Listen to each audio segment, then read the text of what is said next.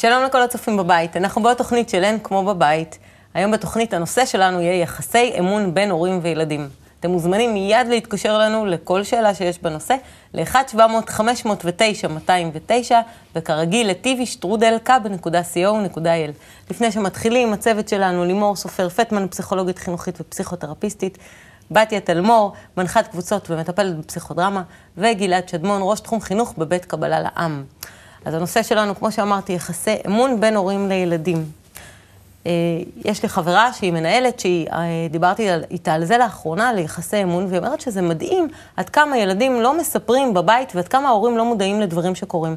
זה יכול להיות בהמון רמות, זה יכול להיות אה, גם דברים חיוביים, גם דברים שליליים, גם כישלונות, גם הצלחות.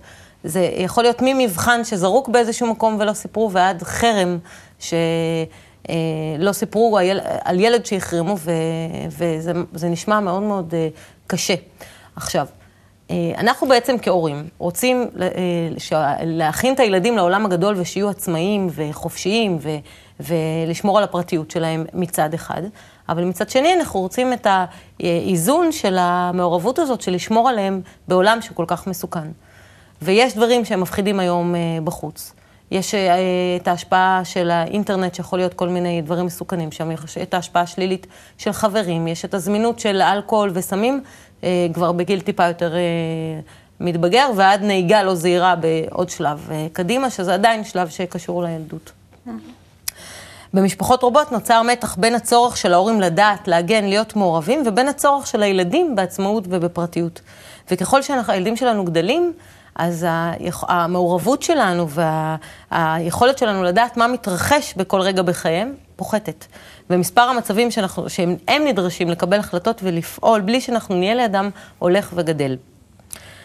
אז היום אנחנו באים לברר איך לסמוך עליהם, איך ליצור מערכת שסומכת עליהם, ואיך לתת להם הרגשה שאנחנו סומכים עליהם, למרות החקירות שאנחנו עושים להם, שיכולות גם לפגוע בדימוי העצמי שלהם, mm-hmm. שזה באמת בגיל קצת יותר אה, מתבגר.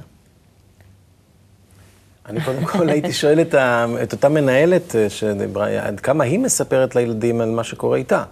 או להורים, לאותם הורים שמתלוננים שהילדים לא פותחים את עצמם כלפיהם, האם אנחנו כהורים פותחים את עצמנו כלפי הילדים? כי אפשר לדבר איתם ואפשר להסביר להם, אבל אין כמו דוגמה אישית. מה, שאני עורבת, אני כאילו, אני כאן, אתה לא צריך להיות מעורב בחיים שלי, ואתה עכשיו תספר לי כל מה שקורה איתך? נכון, אז למה שאני אספר? אם הפתיחות היא, דבר, היא אווירה שבה גודלים, אז אה, עם פתיחות אפשר גם להמשיך הלאה. חוץ מזה, גם צריך להבין שהילד המתבגר מפתח לעצמו איזושהי מערכת של אינטימיות. בטח לימור תיטיב להסביר את זה ממני מבחינת שלבי הגדילה, אבל יש איזושהי מערכת של אינטימיות, מתחילה להיות, אה, מתחילה, מתחילה להיות זוגיות ראשונה, מיניות, מתחילים להסתיר קצת את הגוף, מתחילים לא לדבר על כל דבר. כן, אבל לסמוך על זה מתחיל הרבה קודם. הלסמוך מתחיל הרבה, יותר, הרבה קודם, ולכן הפתיחות היא עניין של, אה, של אה, דוגמה אישית, ואם ההורה פתוח, אז גם הילד יהיה פתוח איתו. אה, זה דבר ראשון. דבר שני, אמון בונים מתוך אהבה, אהבה אמיתית. וכשמישהו באמת אוהב אותי, ואני לא, לא אהבה של כפייה ושל ת, ת, תאכל את הבננה שהכנתי לך, אלא אהבה של אני מרגיש אותך ואת הצרכים שלך, ואני רואה מתי אתה זקוק לפרטיות ומתי לא. אז אותו ילד שמקבל את האהבה האמיתית הזאת, ירגיש את זה מצד ההורים ולא יהיה תסכול הדדי. זה בסדר גם לא לספר על הכל, זה טוב שבונים לעצמם איזה מעגל אינטימיות אישי שלהם שבו הם עם עצמם. אה, הבעיה מתחילה להיות כאשר נוצר נתק, והנתק הוא הפער בין הדורות, וזאת אחת הבעיות של הדור שלנו, שאנחנו לא קיבלנו, הדור הפחות או יותר שלנו, שלא קיבלנו דוגמה אישית מהדור הקודם, כי גם הוא קיבל חינוך קלוקל. ואין לנו כל כך מה לתת לה, באמת לילדים שבאים אחרינו, כי, כי מה... אה, אה, ואז הילדים איזה ערכים ואיזה תרבות, תרבות באמת פיתחנו, ש, ש, ש... והילדים לכן מרגישים את זה, והם uh, הולכים לבנות לעצמם את העולם שלהם. ולכן uh, באמת uh, אין, אין, אין, אין, אין מה לדבר עם הילדים. מה, מה משותף היום, נאמר, בין האבא והאימא לבין הילדים שלהם? הילדים כבר הם, הם אפילו לא בתהליך של מרד. אין להם מה למרוד, כי אנחנו לא, לא דור של אה, חוזק וכפייה, ו, ו, אלא הילדים אה, רואים שאין דוגמה, אין ממה לקחת דוגמה, אז לפחות אה, נלך ונחיה את העולם שלנו. זה נכון שאנחנו חווים כהורים, אני חושבת, מהעמדה של ההורים, אנחנו חווים פער עצום. אבל גם הדורות הקודמים חוו איזשהו פער, אולי לא כזה גדול. אני חושבת שיש משהו שהוא כן התפתחותי ב, ברצון של הדור הצעיר למרוד, ויחד עם זה ברצון של הדור הבוגר יותר לשמור. ואז מתי, כמה אתה משחרר את החבל, ומתי זה מסוכן. ו... אבל יחסי אמון לא נבנים בגיל הרבה יותר מוקדם. יחסי אמון, אה, הרעיון הוא לא לקלקל את האמון, כי הילד נולד ומפתח את היחסי אמון פחות או יותר עד גיל שנה, אנחנו קוראים לזה התקשרות, ובהתקשרות המשמעות היא שליד האימא הוא חש בטוח. אימא, מה לעשות, בשנה הראשונה. ואחר כך, בשלוש שנים הראשונות, הרעיון הוא שבנוכחות ההורים הוא מרגיש יותר בטוח והוא יכול להתפתח. יותר מזה, אומרים שבהיעדרות של ההורים, ההתפתחות נעצרת. זאת אומרת, הוא, הוא חייב אותם מסביבו, כי הם נותנים לו את התחושה הבטוחה, והם נותנים את התחושה של האמון בהם ובעצמו. ולאט לאט נבנה האמון בעצמו.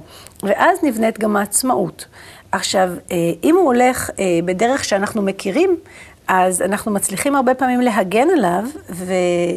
אה, והוא מצליח לפתח את העצמאות. אבל אם הוא פוגש עולם מפתיע, קשה, שבאמת רץ קדימה, כמו האינטרנט, שבו הרבה פעמים אנחנו כהורים מרגישים פחות מיומנים, אה, ואז הסכנות נופלות עלינו, או האסונות, חס וחלילה, נופלים עלינו. אז יש פה באמת איזשהו פער שהוא מעבר להתפתחות, שהוא באמת תרבותי, הוא חברתי וכולי. ואז השאלה, איך אנחנו מגשרים ולא הורסים את האמון? כי זה שהם צריכים פרטיות מהגיל המתבגר הראשון הזה, הם מפתחים לעצמם פרטיות. ומפתחים לעצמם ככה באמת את הקשרים שלהם, זה משהו שעוד, אה, אני חושבת שאפשר להראות לו, את זה להורים, והורים מחזיקים עם זה מעמד. בסדר, זה לא כל כך רוצה לדבר איתי, אבל הוא מדבר אה, כל הזמן עם החברים שלו, בסדר. אבל זה שהוא למעשה לא משתף, אה, ולא מרגיש שיש לו אוזן בבית, זה משהו שהוא נורא נורא מסובך. ואני הרבה פעמים מדברת עם ההורים על זה שאתה בונה שם משהו אצל הילד, אה, ש, שקוראים לו, זה, אה, מישהו שם אוהב אותי, ההורה אוהב אותי, אבל הוא גם ישמור עליי. זאת אומרת, אם אני אפנה אליו, הוא ישמור עליי, ולא משנה כמה הוא יצטרך לכעוס. זה לייצר ולדבר אותה. כן. אפרופו הפתיחות זה לדבר, זה להגיד, המשפחה זה פחות או יותר המקום הכי חשוב, ו- ושם תמיד ישמרו עליך. לא משנה מה עשית, אתה בא ומספר, ותרגל את זה. כן? ואיך את מייעצת לנו, בתיה, מבחינת uh, הפסיכודרמה, איך את מייעצת לנו uh, uh, ליצור מצב כזה של אמון, לתת לנו כלי? אני חושבת שאני לא יודעת אם מבחינת הפסיכודרמה, אבל uh, קודם כל uh, ליצור מספיק מרחב עם גדר. כדי, כי, כי הילד חייב את ההתנגדות. אני, אני מדברת על גיל ההתבגרות, כי אנחנו באמת מדברים על גיל ההתבגרות. שבו הוא... כאילו, אנחנו מדברים כי, כי זה משהו... כשילד מפסיק לשתף את ההורים שלו, כאילו ילד עד גיל 11, 12, עוד איכשהו משתף את ההורים, בגיל 11, 12 הם פתאום נעלמים. ואנחנו צריכים ליצור מרחב מוגן עם הרבה אהבה ואמפתיה והקשבה ובלי ביקורת, כמעט בלי ביקורת, כי הביקורת הורסת אותו, ואז הוא מפסיק לספר לנו. כי הוא גם נכנס לסוג של פחד. פחד, מגננה, למה שאני אספר, הוא לא מבין אותי. אני לא מסכימה שאנחנו לא קרובים לילדים שלנו, אני חושבת שהיום אנחנו יותר קרובים לילדים שלנו, אנחנו באינטרנט, אנחנו בסוגי ספורט, ב... אני חושבת שכן עושים דברים עם הילדים, אבל אנחנו חייבים ליצור את המרחב הזה וליצור גדר. כי גם ילדים שקרובים אלינו חייבים את כוח ההתנגדות, הם חייבים להתנגד לגדר הזו שאנחנו שמים לה כדי לצמוח. אנחנו חייבים לשים אותם, אותה עבורם. זאת אומרת שזה המינון הנכון. כן, ילד, ילד שאין לו התנגדות ואין לו במה למרוד, הוא לא יתפתח בצורה תקינה. ילד שמותר לו הכל, או שהוא ילד כל כך טוב, שמרצה את ההורים, והוא ילד נפלא, הוא לא מתפתח, הוא עושה נזק לעצמו. הוא יעבור את זה בגיל מבוגר יותר. נכון, ומסוכן יותר. 40 מול האישה או מול הבעל, אחר כך יוצא את המרד בדיוק, הוא חייב למרוד, הוא חייב לעשות את המרידה הזאת, ואנחנו חייבים לעמוד שם ולדעת... שזה בין פחד לאהבה. שאנחנו נמצאים שם בשבילו, והמרד הזה הוא לא נגדנו, הוא עבורו. וברגע שאנחנו מוצאים את עצמנו מהמשחק, האגו שלנו כבר לא משתתף במשחק כמה אני מסכן שהילד שלי מתרחק ממני, אלא אני יודע שזה עבורו, אני בכלל מפתח נקודת מבט אחרת לגמרי. יחס. כן. טוב, אז בואו נשמע מה יש להורים להגיד על יחסי אמון, נשמע את השאלות שלהם וננסה לענות להם. לכל שאלה תשובה.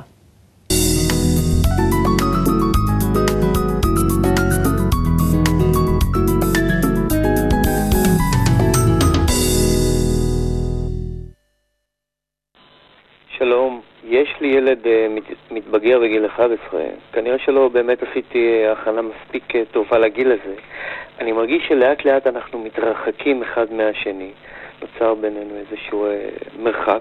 הוא כבר לא משתף אותי אה, כמו שהיה משתף אותנו בעבר. הוא עסוק בשיחות טלפון עם החברים, אה, מחשב, פייסבוק. אה, הוא עונה לנו התשובות קצרות, אה, אה, ואפילו טוען שאנחנו נודניקים. אה, האם זה חלק מהתופעה אה, של הגיל, אה, של תופעת הגיל המתבגר, או איך בכל זאת ניתן לדאוג למערכת אמון משותפת בינינו? איך אני יכול לעשות שינוי, אם צריך? תודה. אני חושב שזה בדיוק דוגמה למה ממש, שדיברנו עליו קודם לכן. בדיוק דיברנו, נתנו את התשובה כבר, כן? אה, זה נכון שאנחנו חייבים לייצר את המרחב, אבל אני חושבת שהוא מתאר נורא יפה את התחושה המעליבה הזאת, שאני הפכתי אה, לא מעניין. אה, לא כל כך- הפייסבוק יותר מעניין ממני. לא כל כך נדרש, בדיוק, בדיוק. אה, כאילו לא כל כך רלוונטי פתאום, וזה די קורה בבת אחת. וזה נורא מעליב נכון מה נורא. שתיארת. זה מעליב, ברמה ההורית זה מעליב, זה גם תמיד מפתיע. זה, זה קצת כמו תאונה, כאילו אתה יודע שזה הגיל, ואיכשהו כשזה מגיע זה, זה נראה לך נורא מוזר. אני חושבת שגם אפשר לנסות לגשר על זה אה, באיזה שהן שיחות שהן מדי פעם כאלה. אה, אני קוראת לזה קצת אה, להתיידד עם, ה, עם הילדים שלנו, זאת אומרת להישאר ידידים שלהם, לא רק מפקחים שלהם ולא רק שוטרים שלהם, אלא מדי פעם להתעניין וכאילו, כי, איך החיים? מה, מה נשמע? כאילו, מה קורה איתך? אני לא שומעת בזמן האחרון, כאילו, מה, מה אתה יכול לספר לי? וכן, להסתכן בזה שאנחנו נחשבים חפרנים, דחפורים, אה, טרקטוריסטים או whatever, אבל ההתעניינות הזאת, אה, אני חושבת ששמה אותנו במקום, משמרת אותנו במקום הטוב יותר, בצד הטוב יותר של המטבע. יש גם נושא שהוא ככה לא העלה פה, אבל אה, ככה מניסיוני קורה, בגיל ההתבגרות, במיוחד אצל בנים, מתחילה איזושהי רתיעה ממגע גופני. ממגע גופני בין עם ההורה האימהות. לילד. כן, מהילד האישי הפרטי שלי. גם אצל אבות. גם אצל אבות, זהו, אני, אני חוויתי את זה עם הילד הפרטי שלי, מילד שכל הזמן מתחבק ומתנשק ומתגפף, פתאום שהוא לא, ו, ו, ובהתחלה נורא נעלבתי, איפה הגוזל, המתוק שלי ש, שנמצא איתי, והבנתי שאני צריכה לתת לו את המרחב הזה, כי זה באמת המרחב שבו הוא צריך, זה משהו שנורא חשוב לשים אליו זה לב. אותה התפתחות שאת דיברת. כן, ההתפתחות הזו של לתת לו, עוף גוזל, חתוך את השמיים, טוס לאן שבא לך, ואני אהיה פה ותרים בשבילך. טלפון כשיש ותרים בעיה. טלפון כשיש בעיה, ושידע שהוא יכול להרים טלפון, כי הורה שהוא ביקורתי ונעלב, והופך להיות קורבן של גיל ההתבגרות של הילד שלא מפספס את כל העסק. שהחום האימהי בעצם לא מתבטא רק דרך זה. כן, וגם לדעת חום שהחום. האימהי מתבטא בזה שאני כן, אני מכילה את זה שהילד שלי עכשיו לא בשל למגע, הוא עכשיו בשל למגע עם בנות ה-12 שנמצאות בכיתה שלו ולא איתי. פרגיות. ו- בדיוק, ולתת, גם אה, להיות נורא רגישים לזה. בפסיכולוגיה יש תיאוריה שמדברת על יחסים הסובייקטיביים ועל אימהות, עדיין בכל זאת אימהות, שמוכנות להיעזב. כאילו שכשאימא נעלבת שעוזבים אותה, אז היא מפריעה להתפתחות, אבל כשהיא מוכנה להיעזב, כי זה סימן טוב של התפתחות, אז, אז הגוזל יכול להתפתח. הנושא עוד יותר מורכב אם תוסיפו שם גם את הקנאה שיש מהאימהות לנערות המתבגרות, כן. או מהאבות לנערים, ופתאום מתחילים, יש פה גם הרבה, זה נושא מאוד מאוד מורכב. נכון. ולכן באמת אפשר לכלול אותו בסך הכל בכלל חנוך לנער על פי דרכו. זה מין כלל כזה ש, שהוא יכול להיות סטיקר יפה על הקיר, אבל כשפורטים אותו לפרטים זה מאוד קשה, זה לא פשוט. Mm-hmm. פשוט להרגיש באיזה שלב הוא נמצא עכשיו, גיל 11, גיל 10, זה לאו דווקא לפי הכרונולוגיה של ה... נכון. כי הרי התפתחות היא התפתחות רגשית. ו- ולהרגיש שעכשיו הצרכים שלו שונים מקודם לכן. ואם אני, ואז השאלה זה שההורה יכול להציב לעצמו, באמת, האם אני עכשיו חושב על עצמי או עליו? על טובתי או על טובתו? מה יהיה באמת טוב בשבילו? ואם הוא אכן ניגש כך לאורך כל תקופות ההתפתחות, לכל תקופת ההתפתחות, בכל גיל וגיל, הוא ירוויח והילד ירוויח. ואז האמון הזה לא יישבר שם, לא, אף אחד לא יישאר מאחורה. הורות זה דבר מאוד דינמי. כל הזמן משתנה. ילדים גם מרגישים מתי אנחנו בשבילם באמת, ומתי אנחנו בשבילנו, ומהניסיון אפילו האישי שלי, אני מודה ומתוודה, הרבה פעמים אני הייתי בשבילי. לפעמים את היית בפייסבוק, והוא... וכשאני הייתי בשבילי, פספסתי בגדול את העבודה. וזה זה משהו שצריך לשים אליו לב. מה זה, מה זה בשבילי ובשבילו? בשבילי זה עד כמה אני נעלבת, עד כמה הילד שלי לא מדבר איתי, עד כמה הוא לא לומד או כן לומד. אני, שאני המרכז, והוא אחד השחקנים בסרט. ו- ולתפוס את הנקודות האלה... אני צריכה שהוא ירצה אותי. בדיוק, לא, לא, זה לא התפקיד שלו, זה ממש לא התפקיד שלו, צריך להגדיר מחדש את התפקידים במשפחה כשזה קורה, וזה קורה הרבה. גן הפולניות, כן. זה הדבר הזה, טוב, אני אשב בלבד בחושך כשאתה הולך עם הבחורות הצעירות. זה, זה מה שקורה. טוב, לא בואו נעבור לשאלה הבאה. כשאני אהיה בשיכון קבע, תבוא לבקר אותי. אם נתחיל עם בדיחות על פולניות, אנחנו נגיע לעוד ארבע שעות תוכנית. אז בואו נעבור לשאלה הבאה שהגיעה לנו דרך האתר. שמי יפעת, יש לי בת בגיל 12 שלשמחתי הרבה משתפת אותי, משתפת אותי בכל מה שקורה לה. אז מה הבעיה? 12? כן. אני שמה לב שאני חושבת יותר מדי על התגובות לסיפורים שהיא מספרת לי, כי אני מפחדת לאבד את הקשר הזה איתה, ומפחדת שאם אגיב או אעיר לה, היא תפסיק לספר לי. לדוגמה, פעם אחת סיפרה לי בזלזול על החברה שלה, ועל כך שאף אחד לא סובל אותה. רציתי כל כך לבקש ממנה שתהיה רגישה אליה, כי החברה עוברת תקופה לא קלה, ובחרתי לשתוק ורק להקשיב. ויש עוד הרבה דוגמאות. מה עליי לעשות על מנת שאוכל להרגיש שמצד אחד אני יכולה להדריך אותה ולחנך אותה, ומצד שני לא לאבד את השיתוף בינינו. כל לא לאבד את האותנטיות. כן. הורים הרבה פעמים מאבדים, מאבדים את האותנטיות שלהם. אני כל כך נזהר, אני כל כך מפחד, ובעצם אני כבר מפסיק להיות אני. אז לא לאבד את האותנטיות שלי, וכן אה, אה, להרגיש ולהיות שם במקום האמיתי שלי, אבל במקום להגיד לילדה, אה, תהיי רגישה, במקום לתת לה ספר הפעלה, לשאול אותה, מה דעתך הילדה הזאת מרגישה כשמזלזלים בה, כשצוחקים עליה? לנסות ל- ל- להאיר את האמפתיה בה, דווקא ממקום של להתחלף איתה באמת בתפקידים. אם היית הילדה הזאת שעושים עליה חרם בכיתה, איך היית מרגישה? בואי תנסי להיכנס ולדמיין את זה. ודרך זה לגרום לה לשפעול עצמי של אמפתיה ושל חמלה, ולא צריך שתהיה לך חמלה, כי, כי זה לא עובד בגיל הזה. הספ- סוג של הסבר, החוויה. זאת אומרת, היא מקבלת את ההסבר דרך... לא, שתחווה את החוויה. זה, זה להפך מלהסביר לה ולהגיד לה, זה לגרום לה לחוות את החוויה. גם צריך להבין שלפעמים שתיקה יכולה להתפרש כאדישות, או כחוסר אכפתיות, או כחוסר אה, מעורבות. לא תמיד, אה, כל, כל דבר בעיתו. לפעמים לשתוק זה מצוין, כשהילד מדבר על מה שהוא מרגיש, ולגלות אבל זה נשמע כלפיו שהיא לא מצליחה אמפתיה. לגלות את המינון בין ה over ביקורתיות לבין... אה, שתנסה, ו- ושתבין. שאף אחד לא חסין מטעויות. ושתסביר גם לה, אפילו שתדבר עם הילדה על זה, ותספר לה ש- שהיא מאוד רוצה להיות חברה שלה, ומאוד רוצה להתקרב ולזה, שתפתח את זה. מצוין. אם היא כבר ילדה, ילדה so called, בגיל ההתבגרות. 12. אז ש- 12, נו, עוד- אפשר, כבר אפשר. בנות בכלל הן יותר מפותחות אה, רגשית מבנים. בגיל כן, גיל אבל הן לא 12 רוצות לשמוע ביקורת. אני לא חושבת ש- ביקורת, שיתוף. שיתוף. כן, אבל הרבה אני- פעמים כשאנחנו מביעים את דעתנו זה נשמע כמו ביקורת, או זה נשמע כמו איזו הסתכלות אחרת על המצב, וטוב שכך. כי הרבה פעמים ההסתכלות בגיל 11-12 היא נורא אגוצנטרית. אין מישהו אחר, רק אני והחצ'קון. כאילו שום דבר אחר מסביב. ואז. כשאנחנו רוצים אני להראות את והחצ'קון ה... שלי. כן.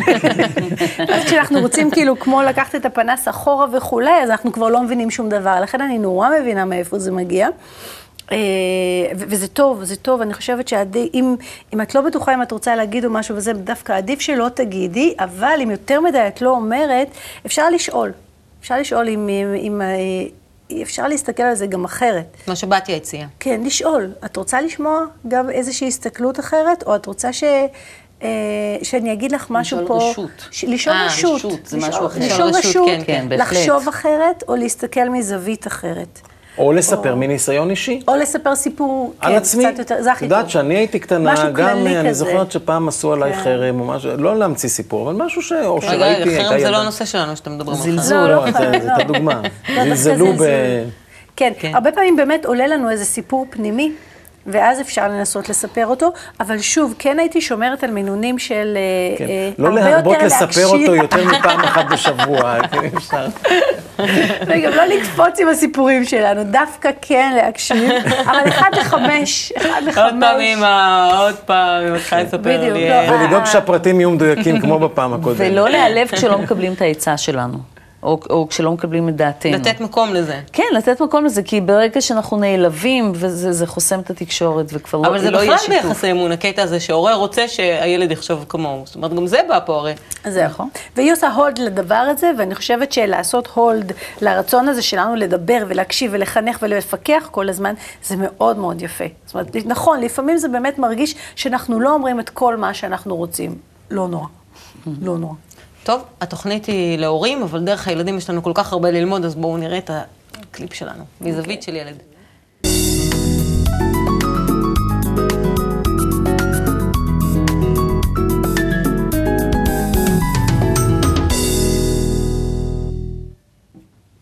בואו נראה ב- את האמינות בעיניים של הילדים. שלום, קוראים לי יעקב ואני בן 14. אני נועה ואני בת 11. שלום, אני שלי, אני בת כמעט 13. קוראים לי ליאורה ואני בת 13 וחצי.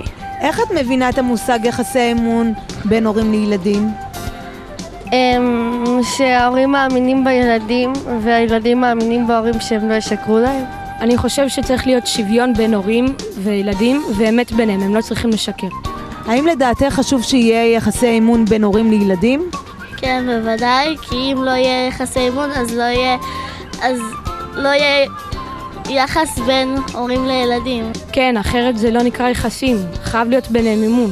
אי אפשר שאחד יאמין ואחד ישקר. מה לדעתך יכול לגרום לכך שילד כבר לא ירצה לשתף את ההורים שלו במה שעובר עליו? יש כמה סיבות. אחת הסיבות, אני חושב שזה בגלל שהוא מתבגר, אז הוא נהיה כאילו יותר גדול ולא רוצה לשתף את ההורים. כי הוא חושב מה הם יחליטו בשביל מה לעשות, ועוד כמה סיבות שהוא מפחד שהם יכעסו וייתנו עונש. בגרות, כאילו, אנשים גדלים, מתבגרים, יש להם כבר פרטיות שונה, יש להם חיים שונים, יש להם דברים שלא רוצים שההורים שלהם ידעו. איך ההורים צריכים להגיב כאשר הם מגלים שהילד שלהם שיקר להם וגרם לחוסר אמון בו? אני חושבת שהם לא צריכים לכעוס ולהתעצבן ולהעניש ולצעוק. דבר ראשון, הם צריכים לדבר איתו, לברר את האמת, אם שיקרו להם באמת, ולשאול למה הוא שיקר. להסביר לו שבאמת אה, צריך, אה, שאסור לעשות את זה ושלא יפחד מזה, ו... אבל לא לתת לו עונש או משהו ממש גדול. איך ההורים יכולים לדאוג יותר לקשר של אמון שלהם עם הילדים? להקשיב להם יותר, אה, גם לשתף אותם, גם לשתף אותם בדברים שקור... שקורים להם. ובעיקרון, כמו שאמרתי, לא לתת ישר עונש. להיות איתם יותר, לדבר איתם מה הם עשו, מה הם לא עשו. ללמד אותם ולתת להם הבטחות ולקיים באמת את ההבטחות ולתת להם אמונה גדולה.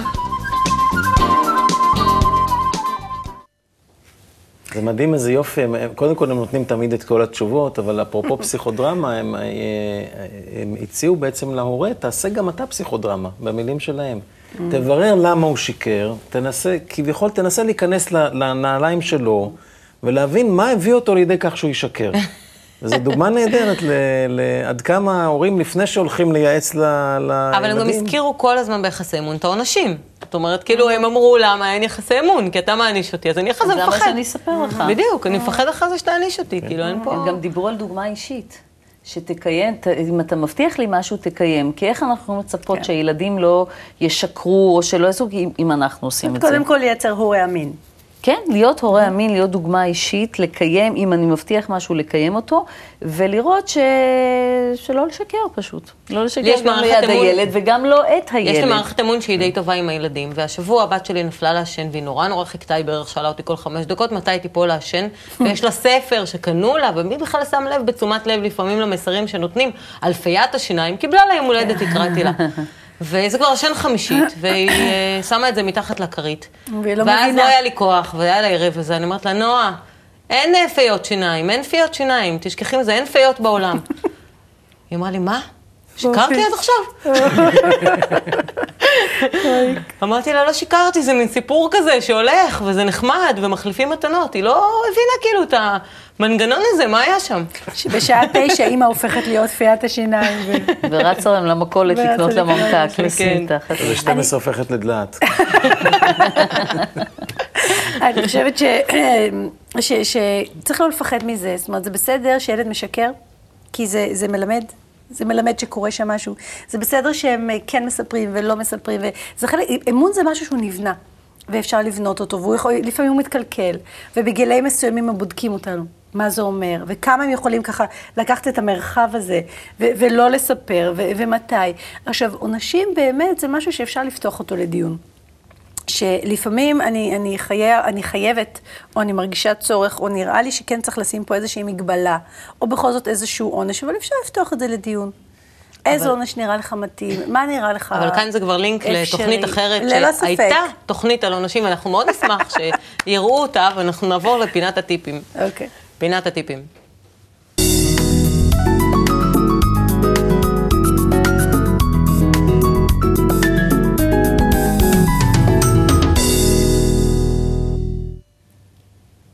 אז כמו שאמרנו, שורה אחת, מה אתם חושבים על יחסי אמון? שזה עבודה קשה, שזה קצת כמו מגדל קלפים, אבל לאט לאט זה הופך יותר יותר יציב. אה, שלהרוס יותר קל מאשר לבנות. אז כדאי אה, לחשוב פעמיים לפני שאנחנו משתלחים, מענישים, כועסים, צועקים. אה, אפשר לעשות את זה אחר כך, אפשר להזמין אותו ואז להתחיל לצרוח. אבל לפעמים כדאי מה. זה? להזמין אותו ואז להזמין להתחיל אותו אחר לצרוח. כך, כן. כאילו, כי הרבה פעמים זה, זה באמת הצורך שלנו ככה להתפוצץ ו- ולפרוק, אה, וחבל להרוס את האמון עם איזה אה, משבר כזה מאוד קשה. ואני חושבת שכדאי להמשיך לבנות את זה לאט-לאט וכולי, בסבלנות, עם איזושהי הבנה ש- שאנחנו מלווים. אנחנו מלווים, אנחנו לא תמיד צריכים לפקח, אנחנו לפעמים יכולים רק ללוות, כי, כי משהו שם נבנה מבפנים אצל הילד. כן. כן, אני חושבת שאני ככה אקח את הקלפים ואני אלך ל- לרקמה עילית מאוד עדינה, ולהיזהר שהחוטים לא ייפרמו באמת. ומה שיכול לפרום חוטים זה ביקורתיות. אם אנחנו רוצים שימשיכו לשתף אותנו, אז להקשיב להם, להקשיב באמת, ולא לבקר על כל צעד ושעל, כי זה פשוט הורג אותם. ככה... אני הייתי כולל את הכל במילה אהבה. אהבה זה להרגיש את השני, לדעת, להשתדל עד כמה שאפשר להיות בנעליים שלו ולהרגיש את המצוקות שלו ואת הקשיים שלו ואת השמחות שלו. וזה לא אומר שבגלל שאני מרגיש אותו, אני חייב להסכים עם כל מה שהוא עושה. אני יכול להיות עם, עם, עדיין מהזווית שלי, אבל בכל זאת, לבוא ולהיות איתו בשיתוף, להיות איתו בחיבור דרך האהבה הזאת. ואם נצליח לעשות את זה עם הילדים שלנו, מי יודע, אולי אחר כך נצליח לעשות את זה גם עם יותר ויותר אנשים בעולם. בקבלה אבל היחס אה, לאהבה הוא יחס של אה, כי זה הטבע, כי ככה צריך להיות בטבע, אה, שאנשים פשוט לא יבינו את זה, שסתם זה- פשוט זה- זה לאהוב הטבע. אחד את השני. זה הטבע המתוקן שלנו. המילה אהבה, אפשר לפרש אותה בהמון צורות, כן? יש אה, גם הרבה פעמים משיכה מתכ- מתפרשת כאהבה, או, או כל מיני אינטרסים כאהבה. אבל uh, הטבע המתוקן שלנו, הטבע האמיתי, הוא שבאמת אנחנו חיים כאיש אחד בגוף אחד. כמו תאים בתוך גוף. אנחנו לא קוראים לזה ככה, אבל כל תא ותא בגוף אוהב את התא האחר. כי הוא מרגיש אותו, וכל מצוקה, אם נכנסת, אם עכשיו יקרה לי משהו בקצה האצבע ביד הזאת, אז כל הגוף יתגייס כדי לעשות משהו לטובת אותו אירוע שקרה כאן. ו- ו- וזאת נקראת אהבה באמת. אהבה זה, זה, זה state, זה מצב, מצב קיומי של הרגשת הזולת.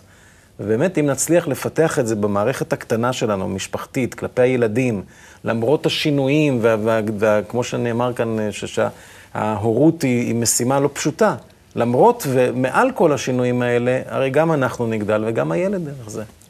תודה רבה לכם. תודה רבה גם לכם, שנזכה לאהבה כזאת, כל ההורים וכל האנושות וכל הילדים שלנו, כל טוב.